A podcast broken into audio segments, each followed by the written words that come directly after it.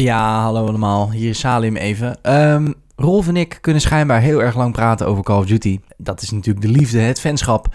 Uh, maar de fanzone werd uiteindelijk toch een klein beetje lang. We hebben een beetje getwijfeld, we hebben een beetje gekeken, maar we hebben toch besloten om het in twee delen te doen. Dat betekent twee dingen. Allereerst dat je uh, niet volgende week, maar die week erop waarschijnlijk uh, nog een keer kan gaan genieten van de kennis van Rolf omtrent Call of Duty. Dat betekent ook dat het begin, of voornamelijk het einde van dit deel en het begin van het volgende deel, een klein beetje wonky zijn. Ik zal er ook nog wel even een kleine uh, insert inzetten, maar dan dat je niet denkt van, ik heb een beetje het gevoel dat ze soort van halverwege hun verhaal eindigen. Komt omdat het dus in eerste instantie opgenomen was als zijnde één heel lang verhaal. En nu wordt het twee soort van lange verhalen. Nou, heel erg veel plezier met deze eerste de aflevering van de Gamersnet Fanzone Call of Duty.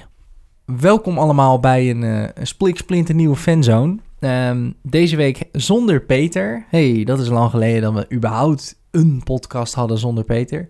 Hij maakt tegenwoordig zoveel. Um, maar we gaan het vandaag namelijk hebben over, over Call of Duty.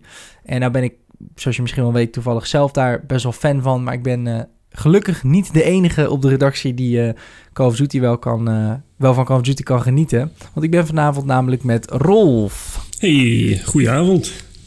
Goedenavond, Rolf.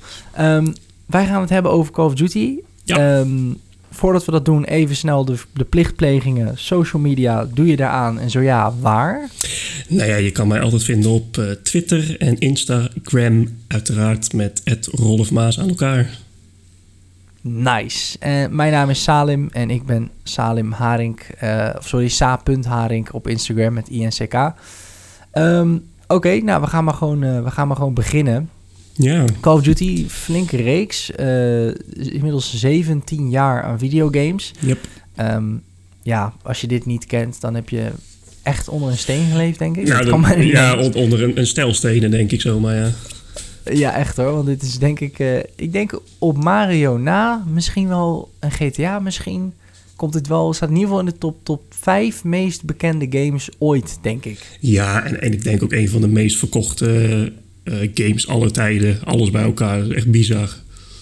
Ja, dat, uh, dat kan niet anders. Ja, het is natuurlijk ook um, ja, de meest, een van de meest klassieke vormen van game, denk ik. First-person shooter. Um, no. Maar dat, uh, dat dat zo klassiek is, dat heeft natuurlijk mede te maken met Call of Duty. Zeker, zeker, zeker. Ja, het, het begon inderdaad al in 2003 hè, met, de, met de allereerste Call of Duty. Ja, um, ja ze, ze, hebben het eigenlijk uh, stiekem een beetje afgekeken van Medal of Honor. Ja. Want uh, ik weet nog wel, in, in 2000 uh, nam Steven Spielberg, de grote, wie kent hem niet, uh, nam contact op met, met een kleine studio, 2015 Incorporation. En die wilde graag een vervolg op Medal of Honor maken. Nou ja, dat werd ah. dus Allied Assault, die in 2002, dus een jaar voor de eerste COD uitkwam. En dat werd zo populair en het stond echt aan de basis van ja, de, de toen de tijd en tegenwoordige uh, World War II shooters. Bizar. Dus eigenlijk de, de nou, naar Steven Spielberg, ook zo'n grote naam. Die Ja. was dus eigenlijk mede verantwoordelijk voor het oprichten uiteindelijk van... Want dat werd Infinity War, toch? Ja, klopt. Want, eh, studio. want, want, in die periode dat Steven Spielberg eh, in de picture kwam, zeg maar, bij, bij, bij die gameontwikkelaars. Toen stapte er na Allied Assault stapte er een hele bubs met ontwikkelaars stapte op. En die ging inderdaad Infinity Ward Hmm. oprichten. Juist. En die waren uiteindelijk verantwoordelijk voor de allereerste Call of Duty. Ja, precies. En de allereerste Call of Duty, ja, mensen, ik weet niet of jij hem ook nog gespeeld hebt, maar ik heb die echt grijs gedraaid toen ik als klein jochie eh, op zolder zat te gamen. Nice, juist. Ja, dit is nog niet helemaal... Ik was meer in, into eh, de eerste Battlefields destijds. Ja. Ehm, kunnen ook nog een keer fans over maken trouwens. Maar ehm, ik, de eerste Call of Duty heb ik, ik heb na, nadien wel een keer opgepakt. Want ik wilde dat gewoon een keer spelen. Ja. Ehm, maar het is Tweede Wereldoorlog. Waar, wat doet dit anders dan Medal of Honor? Waarom was dit baanbrekend? Nou, ehm, ze, ze wilden het beter maken dan Medal of Honor. En Mhm. dat is echt op heel veel punten gelukt. Door ook echt eh, als een van de eerste, wellicht de eerste, een multiplayer ook aan de game toe te voegen. Want zeker in de beginperiode draaiden echt alle Call of Duty's echt om singleplayer. En dan was multiplayer gewoon een bijzaak. Want ja, de, typische Call of Duty, je start in het eerste deel, eh, heb je drie verschillende campaigns. Eh, Amerikaanse, Britse en eh, de Sovjets, dus de Russen. Ja. Nou ja, weet je, en daarmee ga je dus drie verschillende verhalen in één spelen. En dat, dat was al uniek natuurlijk. Juist, juist. Inderdaad, ja, het was ehm, best wel grappig eigenlijk in contrast met de, hoe we Call of Duty nu zien. Ja, behoorlijk, behoorlijk. Ja, het leek eigenlijk ook in de multiplayer destijds al wel meer op hoe Battlefield er tegenwoordig uitziet. Want je had health packs, er zaten voertuigen in de multiplayer. En het ging eigenlijk juist allemaal een beetje over het, het grootschalige.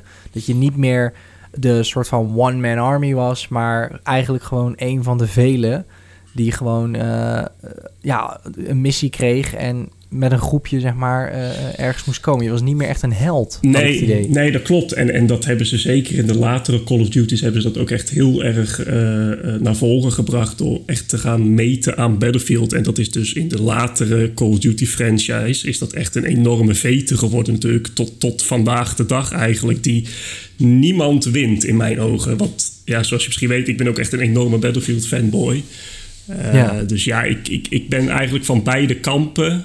Waarbij ik uh, tussentijds ben afgehaakt, maar daar komen we straks wel op. Uh, ja. ja, dat heeft echt heel veel goede redenen. Maar, maar, ja, de, de, die kampen zijn er echt nog steeds hoor. Absoluut, absoluut. Um, maar goed, in, ja, in deze periode was dat er nog niet. Dat, dat zat er inderdaad later wel aan te komen. Um, twee jaar later, in 2005, gaan we naar Call of Duty 2. Um, dat was in principe wat ik ervan begrepen heb, een heel groot gedeelte hetzelfde als deel 1. Ja. Alleen met het grote verschil dat het een launchtitel was natuurlijk voor de Xbox 360, die ook in 2005 uitkwam. Ja, klopt. Uh, um, en dat lanceerde de serie een beetje, denk ik. Ja, precies. Die, die hebben echt, uh, zowel de Xbox en, de, en, de, en Call of Duty hebben daar een enorme boost mee gekregen. Uh, ja, weet je, Call of Duty 2 was een, een direct vervolg op deel 1. Uh, alleen ja. dit keer speel je ook in uh, uh, Noord-Afrika. En uiteraard weer in Stalingrad, waar, waar Call of Duty 1 ook onbekend stond natuurlijk. Maar het, het, was wel vanuit een heel ander perspectief. Dus meer cinematic en je speelde met meerdere personages. Uh, yes. En het was inderdaad een launch-titel. Dus ja, uh, dat ging best wel goed. En Call of Duty 2 durfde ook een ander verhaal van de Tweede Wereldoorlog te vertellen. Want ja, als je nu denkt aan de Tweede Wereldoorlog, denk je aan Normandië, invasies, uh, wat heb je nog meer, Ardennen, dat soort dingen. Ja. Alleen weet ik nog wel, dat kan ik me nog wel herinneren in Call of Duty 2 dat je dan startte met, uh, dat was volgens mij Point du Hoc. Was ook mm-hmm. uiteraard in Normandië. Maar dat was zeg maar een niet bekend verhaal waarbij ze tegen de steile rotswa- rotswanden moesten opklimmen en zo. En dat, dat speelde heel ja. goed na. Ja, dat, dat, deden ze heel goed, ja. Ja, precies. Precies. Echt een beetje het. Uh, weer eigenlijk het, het proberen clichés te breken. Dit keer niet ja. eens dat je per se dat je wel of niet een held bent, maar meer naar de onbekende verhalen vertellen. Ja, precies. Um, en dat deden ze wel goed. En, en, daarbij hebben ze ook, zowel in de single als in de multiplayer, hebben ze best wel veel verbeteringen doorgevoerd ten opzichte van deel 1. Um, mm-hmm. Zo had je bijvoorbeeld nu Health Regeneration, waarbij je in deel 1 ja. eigenlijk uh, dus uh, health packs moest oppakken en dat soort dingen. Uh, je had hitmarkers als je eindelijk iemand in, in, zijn knijter schoot. je had iconen ja. van granaten als ze die jouw kant op kwamen. Dus ja, er zaten echt wel heel veel verbeteringen in. Absoluut, ja. Allemaal heel veel iconische dingen ook. Ik bedoel, je noemt nu even hitmarkers en health regeneration. Dat, ja. dat zijn echt wel... Uh, uh, uh, nou, sowieso health regeneration is denk ik echt een, een stapel, zeg maar, voor, voor Call of Duty.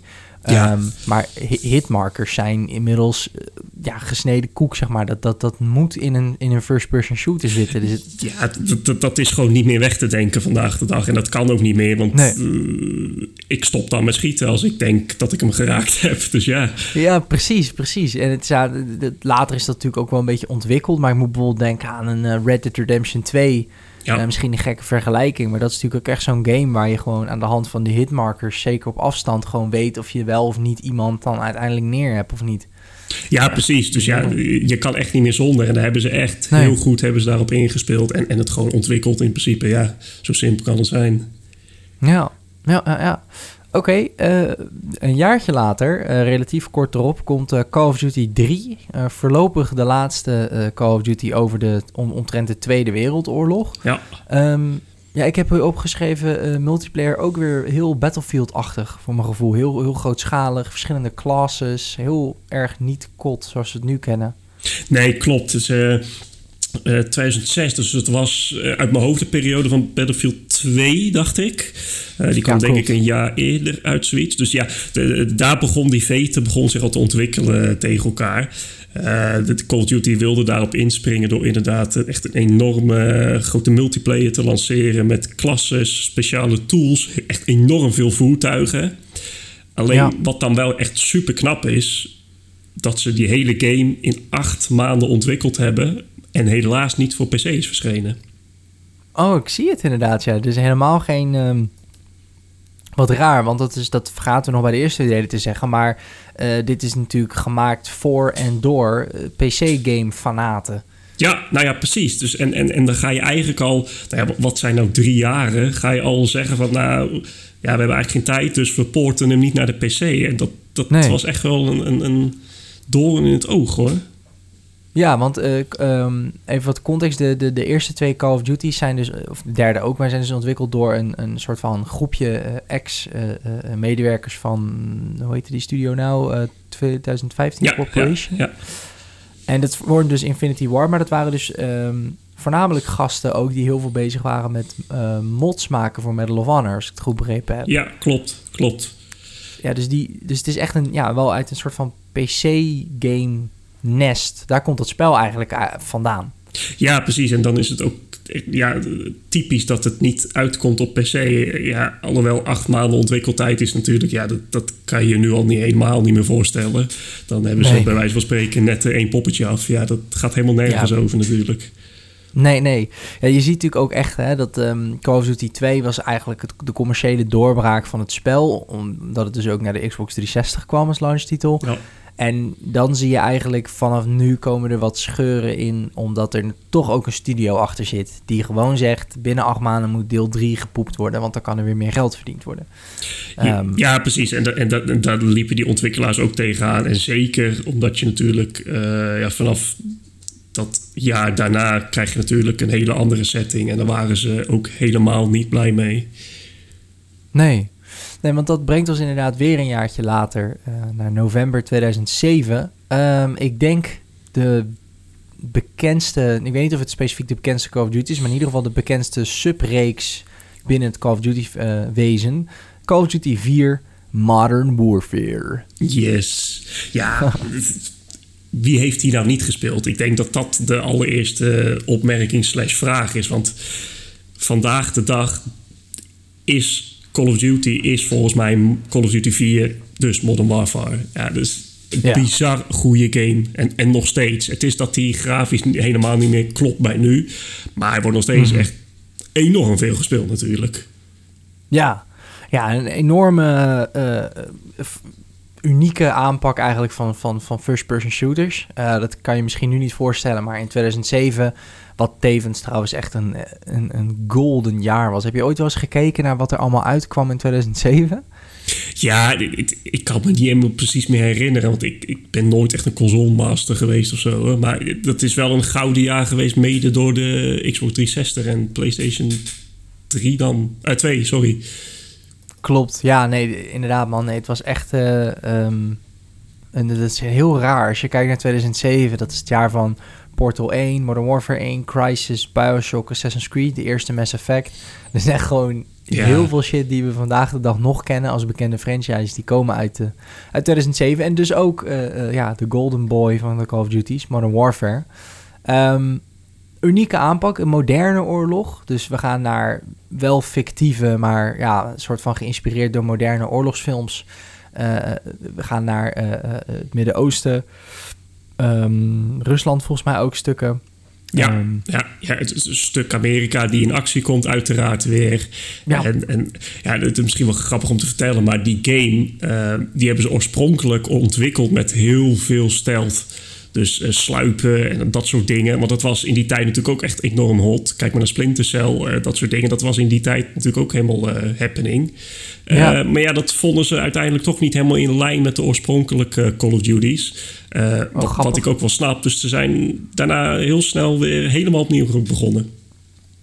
Oh, wauw, dat wist ik niet eens, joh. Nee, dus, ja, dus uiteindelijk wat we, wat we destijds speelden, dat kwam voort uit dat. Dus meer acties, veel grotere levels. En anders hadden we dat nooit gehad.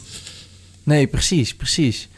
Ehm, ja, de, de, de, de campaign, uh, net al even over gehad, is dus, is dus heel uniek. Maar wat denk ik het meest opvallende was aan deze game, uh, was de multiplayer. Ja, ja, um, ja, Het is echt een combinatie van sowieso in 2007...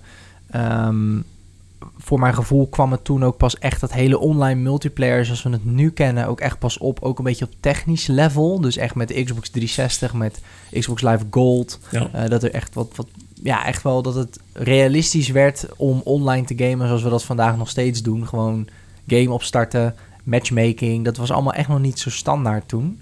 Nee, ja, inderdaad. En, en uh, Modern Warfare is ook zeker voor vandaag de dag echt een enorme opstap geweest. Zoals wij inderdaad nu multiplayer shooter spelen. Ja. Uh, het sprinten was bijvoorbeeld terug, waarbij je dus je wapen voor je borst uh, houdt, dus echt realistisch rent. Nou, je had ja. voor het eerst bullet penetration, dus door hout en staal kon je heen schieten. Nou ja, je, je ja. kon scopes, uh, barrels, flashbangs, alles kon je nu eindelijk als attachment erbij hebben. Nou ja, en die multiplayer die was echt wel behoorlijk infantry-based hoor. Dus, dus voornamelijk door nauwe straten schieten en dat soort dingen. Ja, en ik kan me nog één map heel goed herinneren. Dat was volgens mij Crossfire.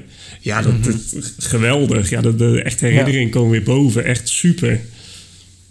Ja, nee, het, is, het, het was inderdaad een, een, een, een, wat betreft multiplayer qua gameplay, maar ook qua.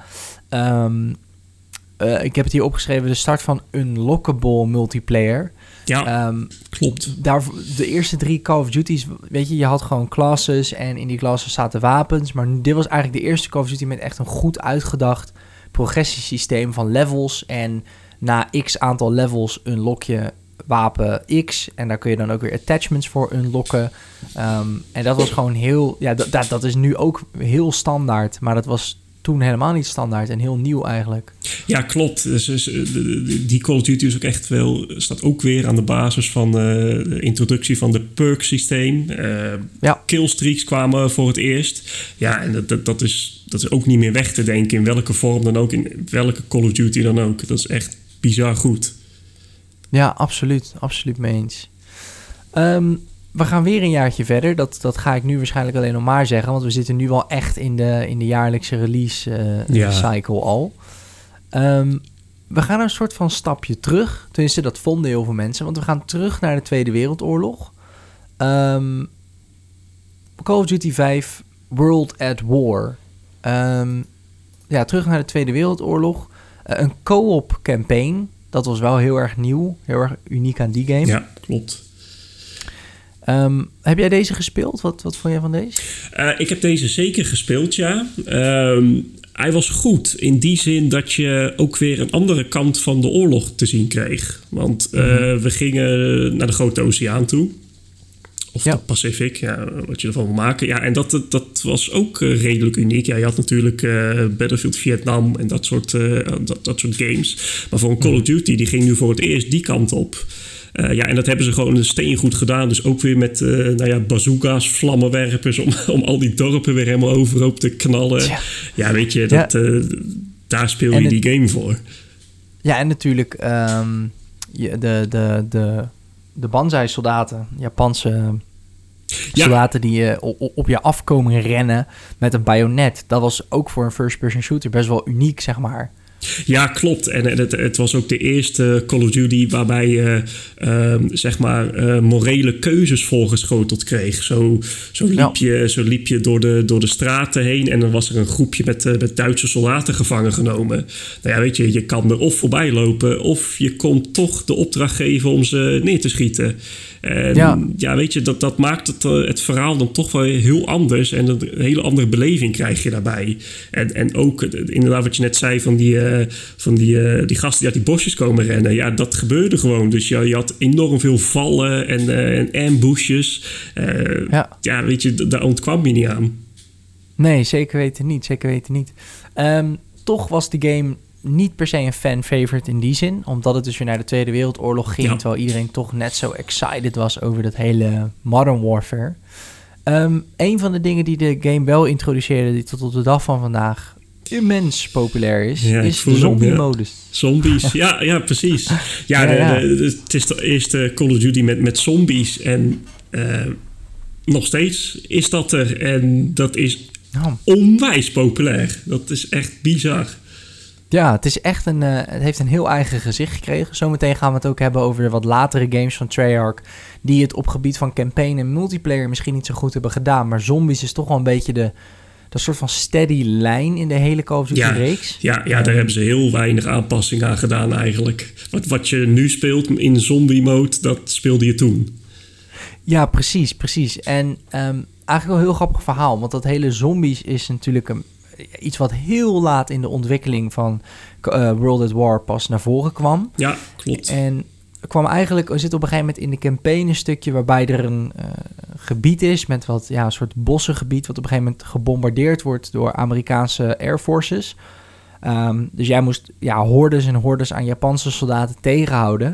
Op een gegeven moment wordt het gebombardeerd en dan ga je daarna als soldaat weer zo'n soort van morele keus door de, door de rook heen moet je dan lopen en dan zie je af en toe nog zo'n verdwaalde Japanse soldaat met ja, gewoon shell shock die gewoon helemaal niet meer weet waar die is. Ja, ja. Eh, en eigenlijk als een soort zombie daar loopt. En eh, ja, de, de, de urban legend is dat dat eh, de ontwikkelaars inspireerde om een, om een zombie-modus te maken.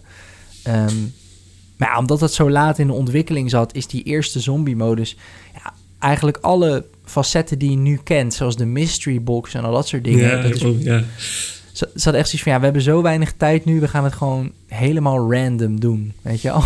Ja, ja, inderdaad. Want is dit dan ook niet de, de game waarbij inderdaad die, die ontwikkelaars gewoon in hun vrije tijd die zombie-modus aan het ontwikkelen waren en dat inderdaad een hoge pief zei van, hmm, ik vind het zo leuk, ik wil het erin hebben. Ja, volgens mij, eh, volgens mij is dat inderdaad ook wel gewoon het, het, het geval bij dit. Ehm, ja, alles was random. Alles, het was eigenlijk ontwikkelen eh, zonder grenzen daarin. Ze mochten doen wat ze wilden wat dat betreft. Ehm, daarom is het ook allemaal zo random met een wapen kopen van de muur. Eh, deuren, deuren kopen natuurlijk om verder te komen. Ehm, dat, ja, dat soort van eh, her, moeten herbouwen van die barricades... en dat die planken dan gewoon de lucht in zweven... en er tegenaan Ja, animeren. ja en, terwijl en inderdaad die, die zombie-modus nu is natuurlijk echt wat uitgebreider qua, qua leveling. Maar toen, Absoluut. toen was het natuurlijk in, in, in een kleine bunker in principe en kon je één of twee deuren openmaken. Ja. Ja, het is echt helemaal niet ook in lijn wat dat betreft. Best wel gek genoeg niet in lijn met de rest van Call of Duty. Omdat het gewoon, ja, wat ik zeg, het heeft iets veel meer iets komisch. Iets, iets, iets. Ja, Ja. het neemt zichzelf niet zo serieus. Nee, ja, precies. Ja, en, en daaraan kan je denk ik zien dat het inderdaad gewoon een soort hobbyproject was... wat, wat die gasten er gewoon allemaal naast deden. ja, echt heel erg bizar. Ehm, dat was eh Call of Duty 5. We- gaan door naar 2009. Ja, en dit is, denk ik, en dat heb ik nou wel een keertje eerder gezegd, maar dit is denk ik ehm, misschien wel de meest revolutionaire Call of Duty. Ook misschien qua tijd. Ja, en, en, en misschien ook wel de meest controversiële. Ja, allebei tegelijkertijd. Ehm, Dit was natuurlijk, dit zie je wel vaker, hoe Modern Warfare eigenlijk natuurlijk heel, heel groot succes boekte door Call of Duty 3. Boekt Modern Warfare 2 zieken, eh, zieke eh, verkoopcijfers. Waarschijnlijk ook door het succes van Modern Warfare 1. Waar ze natuurlijk gewoon op, op eh, konden doorbouwen. Ja, ja precies. Ehm, ja, nieuwe engine. De AI is slimmer. eh, het werkt allemaal net wat beter. Het schiet allemaal net wat lekkerder. Ehm, maar dat was niet eens per se waarom deze game zoveel in het nieuws was. Ehm, want dat had natuurlijk te maken met die ene missie. De ene missie, eh, No Russians. Yup. Ja, eh, ik, denk haast dat iedereen dat wel heeft gehoord. Want het, uiteindelijk werd het ook wereldwijd nieuws. Eh, als jij 's ochtends de tv aanzette met het 8 uur journaal... of- en s'avonds het 8 uur journaal... dan werd er gesproken over een game. Nou ja, vandaag de dag is het misschien iets normaler... als er iets in de, in de, in de wereld gebeurt eh, der games. Maar Mhm. toen zeker niet. En daar is heel, heel, heel veel om te doen geweest, ja. Ja, want er zit een missie in de game. eh, Remember No Russian. Ehm, je speelt een Amerikaanse, aan mijn hoofd, CIA-agent, undercover. En de, de Russen plannen een, uh, ja, willen een, uh, een, terroristische aanslag faken op een Russisch vliegveld. Om op die manier een soort casus belli te creëren tegenover de Verenigde Staten. Dus ze doen zich voor als Amerikanen. En jij als speler uh, hebt eigenlijk maar één doel. En dat is met een groot machinegeweer, volautomatisch machinegeweer, een heel vliegveld doodschieten. Ja, en dat, dat, is het. Dat, het was ook, maar het, het was juist zo beladen omdat um, volgens mij het jaar daarvoor waren die aanslagen met die uh, in Noorwegen op dat, op dat ja. eiland. Ja. Um, dus daar is heel veel over te doen geweest. Maar ik, ik heb zelf die game gespeeld. Ik heb die missie ook bewust gespeeld. Want je kon natuurlijk kiezen of je hem wel of niet wilde spelen. Ja, kon je uh, overslaan als je wilde. Ja, nou, ik, ik om heel eerlijk te zijn, ik heb hem gespeeld en ik dacht er eigenlijk niks bij. Maar goed, dat heb ik nog steeds. Ik, ik kan zeg maar prima die, ja. die scheidingslijn trekken van ja, weet je, het is Tuurlijk. een game. En ik, ik, ik, weet niet of jij hem ook gespeeld hebt en wat jouw gedachten daar toen bij waren. Of dat je ook zoiets dacht van, nou laat maar. Um, nou, ik heb hem wel gespeeld. Ik, uh, dit is uh, de eerste uh, echte Call of Duty waar ik bewust heel veel tijd in heb gestoken. Um, bij een goede vriend van mij, die had deze. En dan, ja, ik heb die missie uiteindelijk ook gespeeld. Um, ja, ik denk wij, wij gamers, ja, wij zien daar niet zoveel achter. Misschien ergens ook wel omdat we een beetje een soort van immuun daarvoor zijn. Ja, nu dat we ja. iets hebben van ja, je ziet zoveel over de top geweld. En het is net als iemand die heel erg graag naar actiefilms kijkt op een gegeven moment eh, ga je niet meer echt een, een, een beladenheid daarachter zoeken. En je trekt al helemaal niet meer de parallel met echte terreuraanslagen. Omdat je gewoon weet dat het in een spelletje zit. Ja, um, nou ja, precies. Ja. En, en, maar dat is eigenlijk misschien ook wel het jammere van hoe het destijds in het nieuws kwam. Want er werd natuurlijk ja. gezegd van ja, uh, dat dat level of die missie, die stond aan de basis van uh, die shooting, die shooting, zus, zo. Ja. Terwijl er natuurlijk veel meer aan de hand is met zo iemand. en, ja, nee, ja, zeker. Kijk, zeker. Dat, dit ja, nee, het, de, ja, dat dit de druppel is, prima, maar nee. Absoluut, nee. Het was natuurlijk... Uh, ja, deze game en, uh, en de GTA's uh, die, die in deze periode natuurlijk ook al vrij populair waren. Yeah. Ja, die, die gaven gewoon vaak die, die, die discussie. Uh, moet zeggen dat anno 2020 is die discussie gelukkig een heel stuk minder. Mocht je dit nou luisteren, uh, er is geen enkel wetenschappelijk bewijs wat aantoont dat dit leidt tot een schoolshooting. Uh, nee, hoor, wees gerust door lief luisteraars, zeker niet. Nee, precies. je gaat echt niet een school kapot schieten als je een keertje Call of Duty speelt. Maar als je dit luistert, dan wist je dat waarschijnlijk al.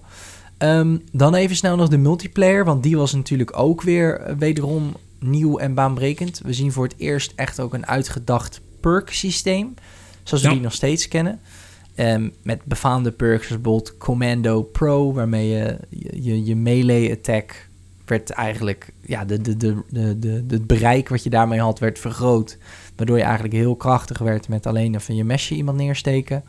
Um, ja, dat was natuurlijk de online multiplayer perks zaten erin. Killstreaks waren natuurlijk weer opnieuw op de schop met de befaamde Tactical Nuke. Waarmee je het potje in één keer kon eindigen als je 24 kills maakte zonder zelf dood te gaan. Ja, ja die, die is geïntroduceerd in die game, ja. Uh, ja. ja. en volgens mij kon je ook voor het eerst kiezen tussen uh, verschillende type killstreaks. Klopt. Ja, je had, nu een, je had nu een hele range en je kon dan zelf... Uh, ja, drie uitzoeken. Um, en dan op één lopen. Dus vaak had je dan UAV bijvoorbeeld. Dat was ja. een, hè, je bekende radar bij drie kills. Uh, cruise missile bij vijf. En uh, ik noem wat. Uh, wat had je nog meer? Iets van ja, een helikopter of zo. Ja, zoiets. Ja. Ja, ja, ja. Heb je deze veel gespeeld? Um, ja, ik, ik heb de multiplayer echt ook ziek veel gespeeld. Alleen kwam ik tot de, tot de conclusie eigenlijk samen met heel veel andere fans...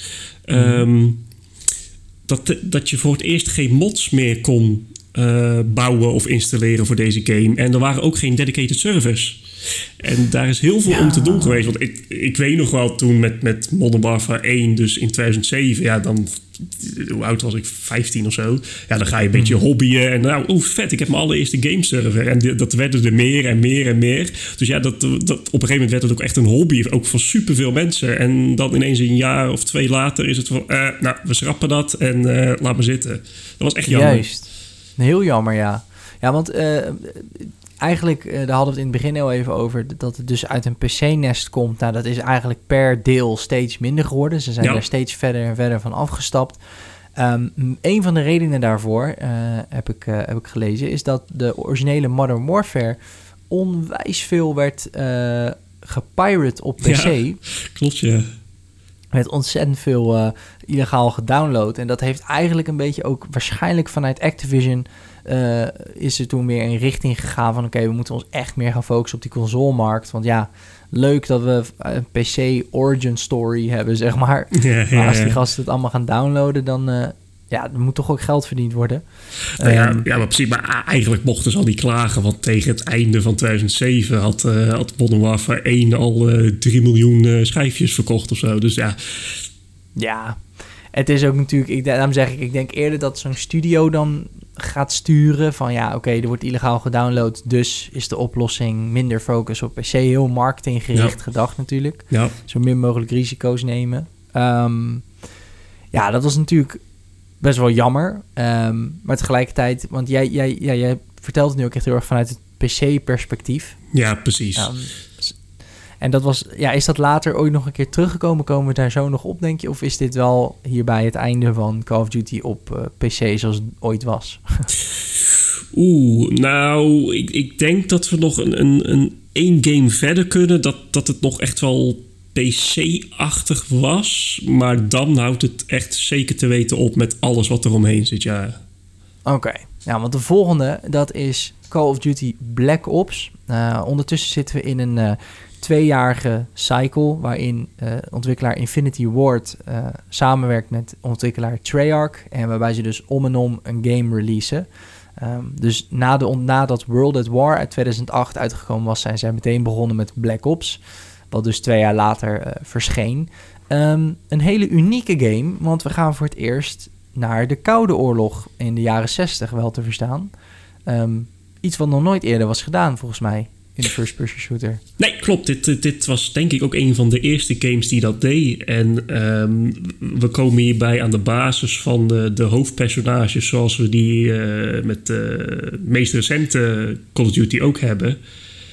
Ja, we, komen uit eh, met eh, Hudson en Woods. Ze maken Ja. een intrede in de game. Eh, de, de game is echt volledig gebaseerd op, ja, wat is het, films als Apocalypse Now, Full Metal Jacket. Ja. Ook echt wel een paar James Bond films. En Want het draait weer om de, nou weer, het draait om de hoofdpersoon Mason. Ja, Mason inderdaad, die ehm, eigenlijk in het, in het hele verhaal eh, wordt verteld vanuit zijn, eh, ja, hoe zeg je dat, hij wordt eh, ondervraagd. En hij zit in een soort, soort stoel met, met, met leren, leren riempjes om zijn, om zijn polsen heen. Hij kan nergens heen, hij zit vastgeketend.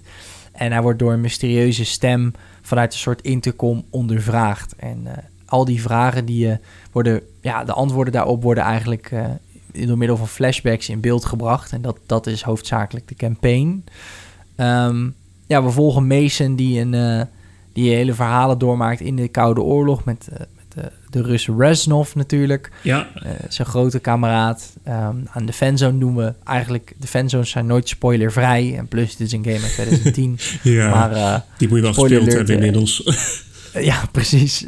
Reznov zit eigenlijk de, de hele driekwart van de game in het hoofd van Mason. Ehm, En dat vond ik, toen ik hem voor het eerst speelde, echt een verdomd goede plot twist. En al helemaal voor een Call of Duty. Omdat die over het algemeen, de Modern Warfare's hadden toch een relatief generiek verhaal daarin. ja, Ehm, wat vond jij van, eh, van de campaign? Ja, het, het was inderdaad eh, heel anders dan dat we inderdaad gewend waren. Sowieso omdat je nu ook ehm, echt hoofdpersonen had. Eh, je speelt dan wel als één persoon, dus Mason.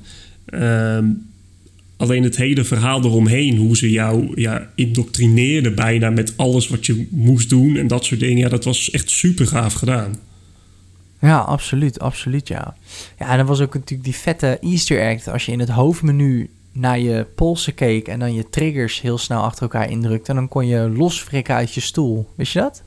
Nee, serieus? Oh, dat, dat heb ik, dat, nee, dat weet ik echt niet. En, en dan? Wat gebeurde er dan? Nou, dan kan je, ehm, dan kan je rondlopen in die ruimte en er is er ook een computer die, je die, Oh. waar je op kan. En dan kan je de e-mails checken en zo. Ja, dat was best wel vet.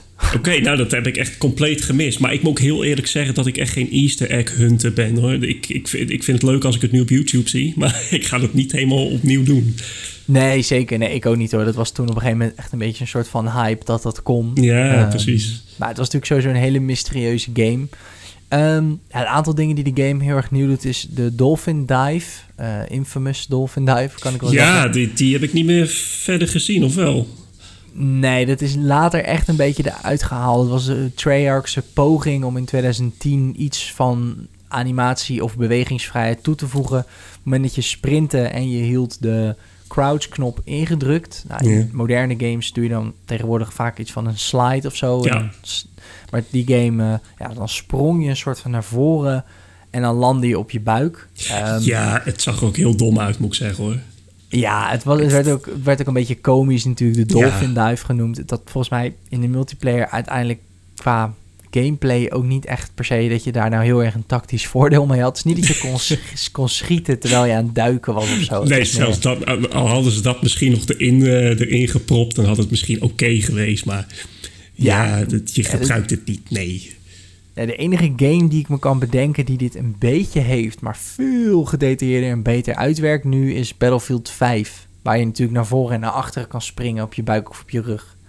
Oh ja, ja, precies. Precies. Nou ja, en het doet ook misschien wel een beetje denken aan de, de bullet time uit Max Payne. ja, helemaal voorover ja. duikte. Ja, al, al, kon je inderdaad nog schieten, dan had het misschien iets geweest. Maar ja, dat is uh, jammerlijk gefaald. Of gelukkig. Ja, klopt. Nee, het was inderdaad... Uh, oh, het was in deze game en later ook, uh, ook nooit meer. Um, dan gaan we naar 2011. de, de laatste, tenminste, dat dachten we toen, de laatste Modern Warfare ooit gemaakt deeltje 3. Um, de afsluiter van de, van de trilogie. Dit is voor mij... Uh, Modern Warfare 2 was dus een eentje die ik heel veel bij een maat speelde. Waardoor ik Modern Warfare 3 was echt de Call of Duty die ik echt op release kocht. En waar ik echt heel veel uur in heb zitten. Ja, nou ja, het, voor mij eigenlijk niet. Ik heb deze denk ik een soort van onbewust uh, overgeslagen, maar wel gespeeld. Dus ik heb die mhm. hele hype van tevoren en van ik moet hem nu hebben, heb ik helemaal niet gehad. Uh, Ik heb hem wel gespeeld hoor, daar zeker niet van. Uh, maar het is wel een, een rare game qua ontwikkeling geweest natuurlijk. Want uh, die game is ontwikkeld nadat super veel ontwikkelaars de huidige studio's verlieten. Ja, dus ze hadden, echt, ja. ze hadden een enorm gat van ja, uh, ja, fuck, wat moeten we hiermee? En toen zijn Sledgehammer Games en Raven Software erbij gekomen, die nu nog steeds de, uh, een van de ontwikkelaars zijn. Ja. ja, want was dit niet ook de periode dat twee van de oprichters van Infinity Ward werden ontslagen bij Infinity Ward omwille van een of ander dispuut over copyright of iets dergelijks. Ja, precies. Er, is toen, er zijn al aardig wat rechtszaken tegenover Activision geweest, ja. Ja, uh, ja en dat is, uh, is niet helemaal lekker gegaan. Nee, laten we het zomaar uh, noemen, ja. Ja, wat, wat zo grappig is, dat die twee gasten zijn toen ontslagen. Die hebben Sledgehammer Games gestart. Maar Sledgehammer Games werkt ook gewoon wel weer aan Call of Duty. ja, dus, dus ja, linksom of rechtsom, ze zijn er toch bijgebleven. Ja, en ja. Ik denk dat wij dat gewoon niet snappen hoe dat gaat in die wereld. En dat wil je denk ik ook niet snappen. Maar nee, ja, ik denk ook gewoon geld. Ik bedoel, dit is een, een miljardenreeks. Volgens mij toen ook al. Dus, dus uh, ja, dit was elke keer weer. Ook games die het op papier wat minder deden in de, in, bij de pers. Uh, verkochten gewoon nog steeds. Uh, elk, volgens mij tot op heden, zeg maar, waar wij nu zijn bij Modern Warfare 3 elk, elk deel wat we tot nu toe hebben behandeld heeft beter verkocht dan het deel ervoor. Dus um, ja, het was gewoon, het floreerde gewoon. Dus om dan echt weg te blijven, dat was denk ik niet slim geweest. Nee, nou ja, precies. De, de, iedereen is er in principe dan wel beter van geworden. En um, nou ja, deze game die is ook een van de eerste, denk ik, in deze reeks. Ja, los natuurlijk van de Tweede Wereldoorlog. Toen waren ze al in Europa. Maar ja. dat je ook naar de Europese steden ging, die, die door um, Makarov natuurlijk. Um, nucleaire bommen staat me iets van bij. Uh, dat hij die wilde ja. af laten gaan in Parijs en Londen uit mijn hoofd. Klopt, ja. Ik geloof dat waar je dus in Modern Warfare 2 zijn ze heel erg op zoek naar een casus belli voor een derde wereldoorlog. En in Modern Warfare 3 is dat dan gelukt, volgens mij. Ja. Um, dus de, de soort van, ik kan me nog heel goed herinneren dat ze ook een uh, soort animatie hadden. Dat je dan zeg maar zag WW3, zeg maar, World War 3. en dan een van die W's draaide om naar een M van MW3. Modern ja, precies. Ja, precies. Dus inderdaad, dit, dit is inderdaad gewoon uh, de, gelukt om dan die derde wereldoorlog uit te lokken. Ja, ja. Ja, ik heb er heel veel uren in zitten. Maar dat is dus echt eigenlijk gewoon puur toeval. Omdat ik in dat jaar, 2011, voor het eerst echt uh, hardcore ging gamen. Ik heb namelijk ook eind 2010 uh, eh, kocht ik een Xbox 360 pas. Dus dat was... Oh. ja, Modern Warfare 3 was gewoon dan natuurlijk de eerste Call of Duty die daarna uitkwam. En ja, jong ventje, het is natuurlijk sowieso, shooters zijn gewoon, gewoon tof. Um, ja, voor velen voelde het wel heel repetitief. Het voelde heel erg als Modern Warfare 2. En ja, voor het eerst eigenlijk niet echt uniek genoeg of zo. Um, dat vonden de meesten wel jammer. Ja, ja precies. En um, de, de, het leuke aan die game is dat, nou het leuke voor hun misschien niet, maar uh, dat toen de strijd tussen uh, Modern Warfare 3 of Call of Duty en Battlefield is toen pas echt hevig uitgebarsten. Ja. Want 2011, nou, dat weet ook niet iedereen, kwam Battlefield 3 uit en die was natuurlijk ook revolutionair. Uh, en, en die, die strijd, omdat het allebei in de huidige tijd was, ja, bizar. Echt bizar. De, de, de, je schold elkaar gewoon echt helemaal verrot om, ja, om wat eigenlijk? om, om niks. Om, omdat jij bij het kot hoorde en jij bij, bij Battlefield. Ja, dat ging helemaal nergens over. Absoluut. Ja, wat grappig is, is dat, en uh, daar komen we zo ook nog op, tegenwoordig heb ik echt het gevoel dat Battlefield en Call of Duty spelers elkaar heel erg gevonden hebben. Want dat zijn eigenlijk fans van shooters tussen aanhalingstekens zoals vroeger. Ik heb nu meer het gevoel dat je de Battlefield en Call of Duty mensen aan één kant hebt en dan Fortnite bijvoorbeeld aan de andere kant. Um, zeg maar, de, de, de, fans van klassieke shooters die hebben elkaar daar denk ik wel een beetje gevonden. Maar dat was, was toen inderdaad echt niet. Het was echt... Uh, Call of Duty was echt voor... Uh, aan de ene kant zijn er zo'n Call of Duty's voor fucking mogoltjes... die uh, niet van tactische shooters houden... voor domme mensen. nou ja, dat is zo. Ja, maar uiteindelijk draait natuurlijk elke multiplayer in Call of Duty... draait om sprinten, vliegen, rennen, springen en knallen. Ja. Terwijl natuurlijk met Battlefield moet je toch wel een beetje tactisch te werk gaan. Uh, ja. Maar, maar zo, zo, ben ik eigenlijk ook wel een beetje omgeturnd weer richting het Call of Duty kamp hoor. Ja, dat was inderdaad wel de, ja, het verschil. Um, ik moet zeggen dat ik ze allebei eigenlijk met heel veel liefde heb gespeeld. Battlefield ja. 3 vond ik ook geweldig. Um, alleen ja, dat was inderdaad wel een beetje de, de, ja, de, de vete die toen begon. Ja, daar ben ik. Uh, zoals ik al zei, klein beetje wonky einde. Sorry daarvoor. Um, maar dat heeft er dus mee te maken dat we in twee delen gaan doen. En dit was net een beetje ongeveer de helft van het hele verhaal. We zitten op drie kwartier, het duurde anderhalf uur. We zijn nu dus gestopt bij Modern Warfare 3. Ik denk een mooi einde. Volgende week, of de week erop, weet ik nog niet precies, uh, gaan jullie deel 2 zien. Zie je vanzelf in je feed. Waar we het gaan hebben over eigenlijk het, ja, de, de New Age Call of Duty. Uh, top Modern Warfare 3 was het eigenlijk allemaal heel klassiek. En daarna gingen we een klein beetje de toekomst in. Daarover in deel 2 natuurlijk meer. En voornamelijk ook wat uh, Rolf en ik daar dan wel niet van vinden. Voor nu wil ik je heel erg bedanken voor het luisteren.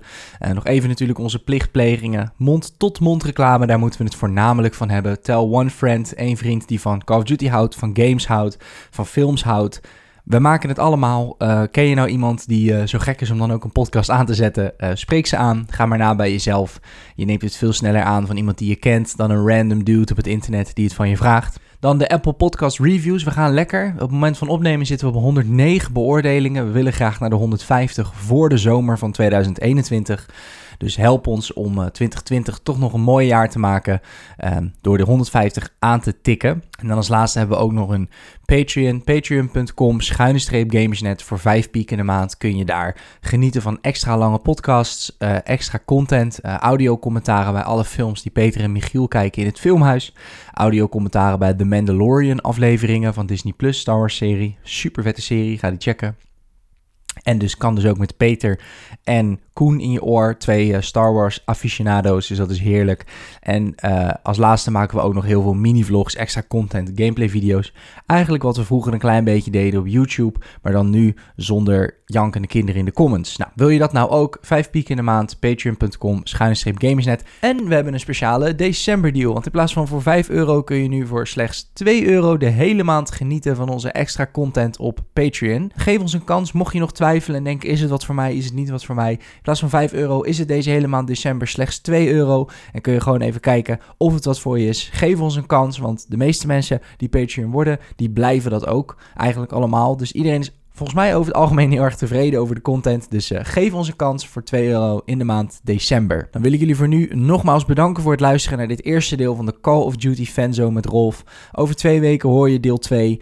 En dan aanstaande zaterdag hoor je Peter en ik weer in de reguliere show natuurlijk. Aanstaande zondag helaas nog geen podracecast, die is volgende week weer. En aanstaande maandag een filmhuis met Peter en Michiel over volgens mij Twister. Maar dat weet ik niet zeker. In ieder geval nogmaals heel erg bedankt voor het uh, luisteren en uh, tot volgende week.